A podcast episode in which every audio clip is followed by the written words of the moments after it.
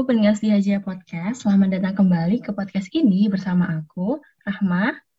Dan aku, Delvi. Selama beberapa menit ke depan, kita akan nemenin kalian dengan topik obrolan yang menarik banget. Apa sih topik podcast kita kali ini, Rahma? Nah, topik yang akan kita bahas kali ini adalah kanker payudara nih, Kak. Pasti Sobat Hajia sudah akrab ya dengan istilah itu. Tapi sebenarnya apa sih kanker payudara itu? Apa penyebabnya? Dan gimana cara mendeteksinya?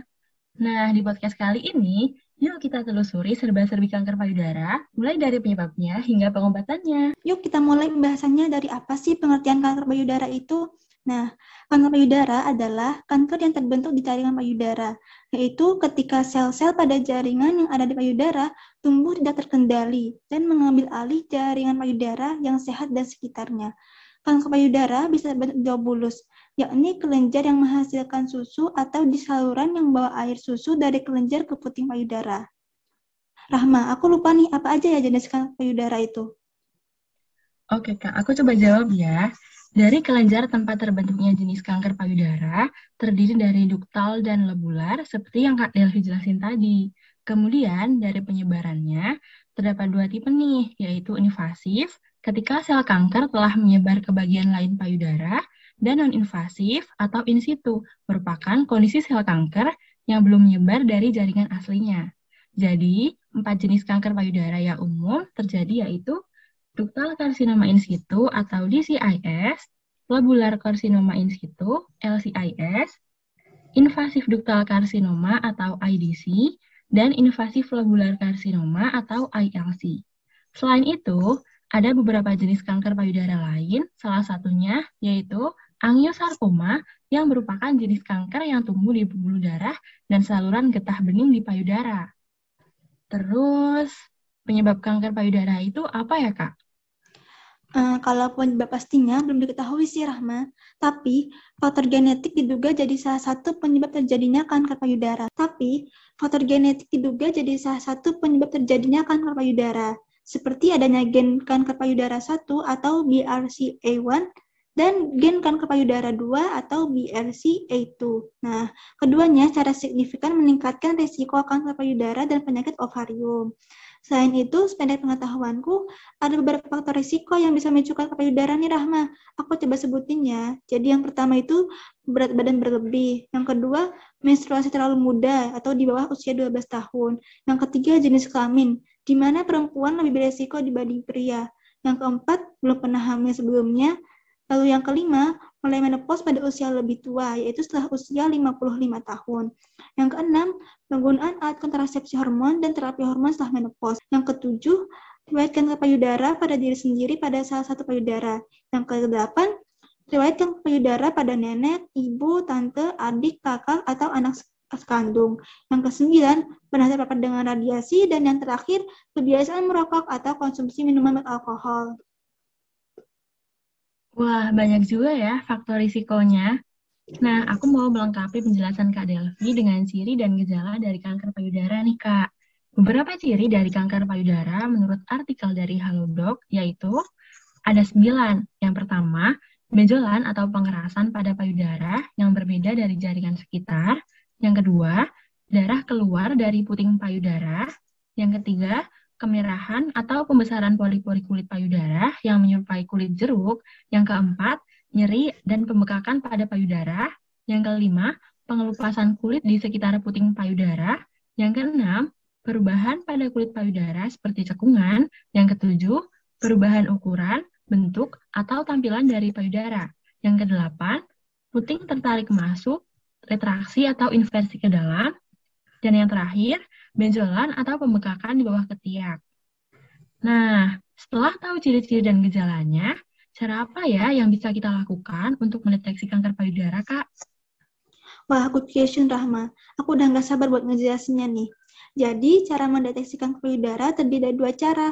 Yang pertama, sadari atau periksa payudara sendiri. Dan yang kedua, sadanis atau periksa payudara klinis. Sadari adalah Metode yang dapat kita lakukan secara mandiri dan dianjurkan untuk dilakukan pada 7-10 hari setelah hari pertama haid, atau sekali setiap bulan pada tanggal yang sama untuk wanita menopause dan pria. Sementara sadanis atau periksa payudara klinis adalah pemeriksaan yang dilakukan oleh dokter spesialis pada onkologi dan dilakukan sekurang-kurangnya tiga tahun sekali secara rutin dengan ketentuannya untuk wanita berusia 20 sampai 40 tahun dianjurkan untuk melakukan sadanis setiap 2 tahun sekali dan untuk wanita di atas 40 tahun setiap satu tahun sekali. Nah, selain itu, apabila ditemukan adanya kelainan saat dilakukan pemeriksaan sadari, disarankan juga menemui dokter untuk melakukan sadanis. Hmm, terus, aku boleh tolong jelasin cara melakukan sadari nggak nih, Rahma? Boleh dong, Kak. Cara melakukan sadari yaitu, yang pertama, berdiri tegak. Cermati bila ada perubahan pada bentuk dan permukaan kulit payudara, pembekakan, dan atau perubahan pada puting. Bentuk payudara kanan dan kiri tidak simetris? Jangan cemas, itu hal yang biasa kok. Yang kedua, angkat kedua lengan ke atas, tekuk siku dan posisikan tangan di belakang kepala. Dorong siku ke depan dan cermati payudara, dan dorong siku ke belakang dan cermati bentuk maupun ukuran payudara. Yang ketiga, posisikan kedua tangan pada pinggang, condongkan bahu ke depan sehingga payudara menggantung, dan dorong kedua siku ke depan lalu kencangkan, kontraksikan otot dada. Selanjutnya apa ya, Kak? Oke, selanjutnya angkat lengan kiri ke atas, tekuk siku sehingga tangan kiri memegang bagian atas punggung. Dengan menggunakan ujung jari tangan kanan, raba dan tekan area payudara, serta cermati seluruh bagian payudara kiri hingga ke area ketiak. Lakukan gerakan atas bawah, gerakan lingkaran dan gerakan lurus dari arah tepi payudara ke puting, dan sebaliknya. Ulangi gerakan yang sama pada payudara kanan. Selanjutnya, cubit kedua puting. Cermati bila ada cairan yang keluar dari puting.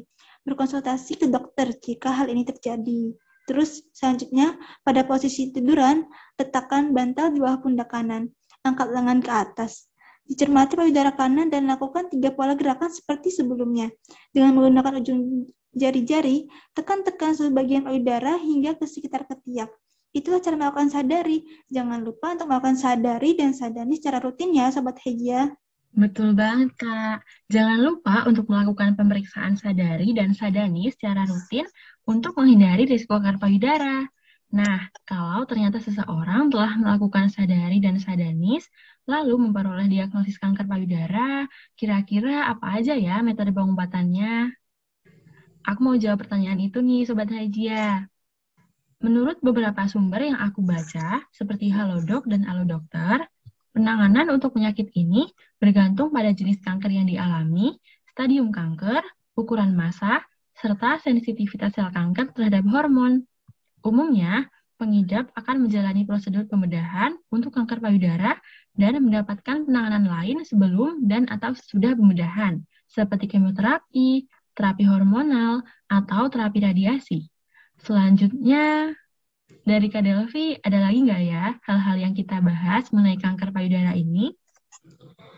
Oke, kita kan udah bahas pengertian, penyebab, faktor risiko, gejala dan ciri-ciri, metode pemeriksaan sadari dan sadanis, dan metode pengobatan kanker payudara. Nah, sebagai materi penutup, aku ingin menjelaskan cara mencegah kanker payudara nih, Sobat Hejia beberapa hal yang bisa kita lakukan untuk mencegah kanker payudara, yaitu yang pertama, berolahraga secara rutin, yang kedua, istirahat yang cukup, yang ketiga, pemeriksaan rutin dan teliti dengan sadari. Yang keempat, tidak lupa juga dengan pemeriksaan sadanis. Selanjutnya yang kelima, hindari dan kelola stres dengan baik. Keenam, konsumsi asupan dengan gizi seimbang.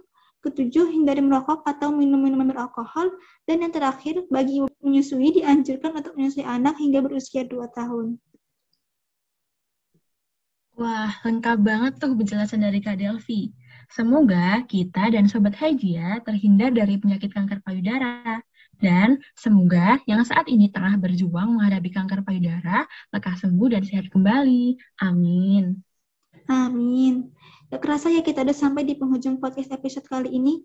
Semoga dengan adanya episode ini bisa meningkatkan pengetahuan kita semua tentang kanker payudara dan mengurangi kasus penyakit kanker payudara. Terima kasih untuk Sobat Hajia yang sudah mendengarkan. Aku Delvi. Dan aku, Rahma, kami pamit undur diri. Jangan lupa untuk share dan dengarkan episode lainnya yang gak kalah menarik. Sampai jumpa di Hajian Podcast berikutnya. Dadah!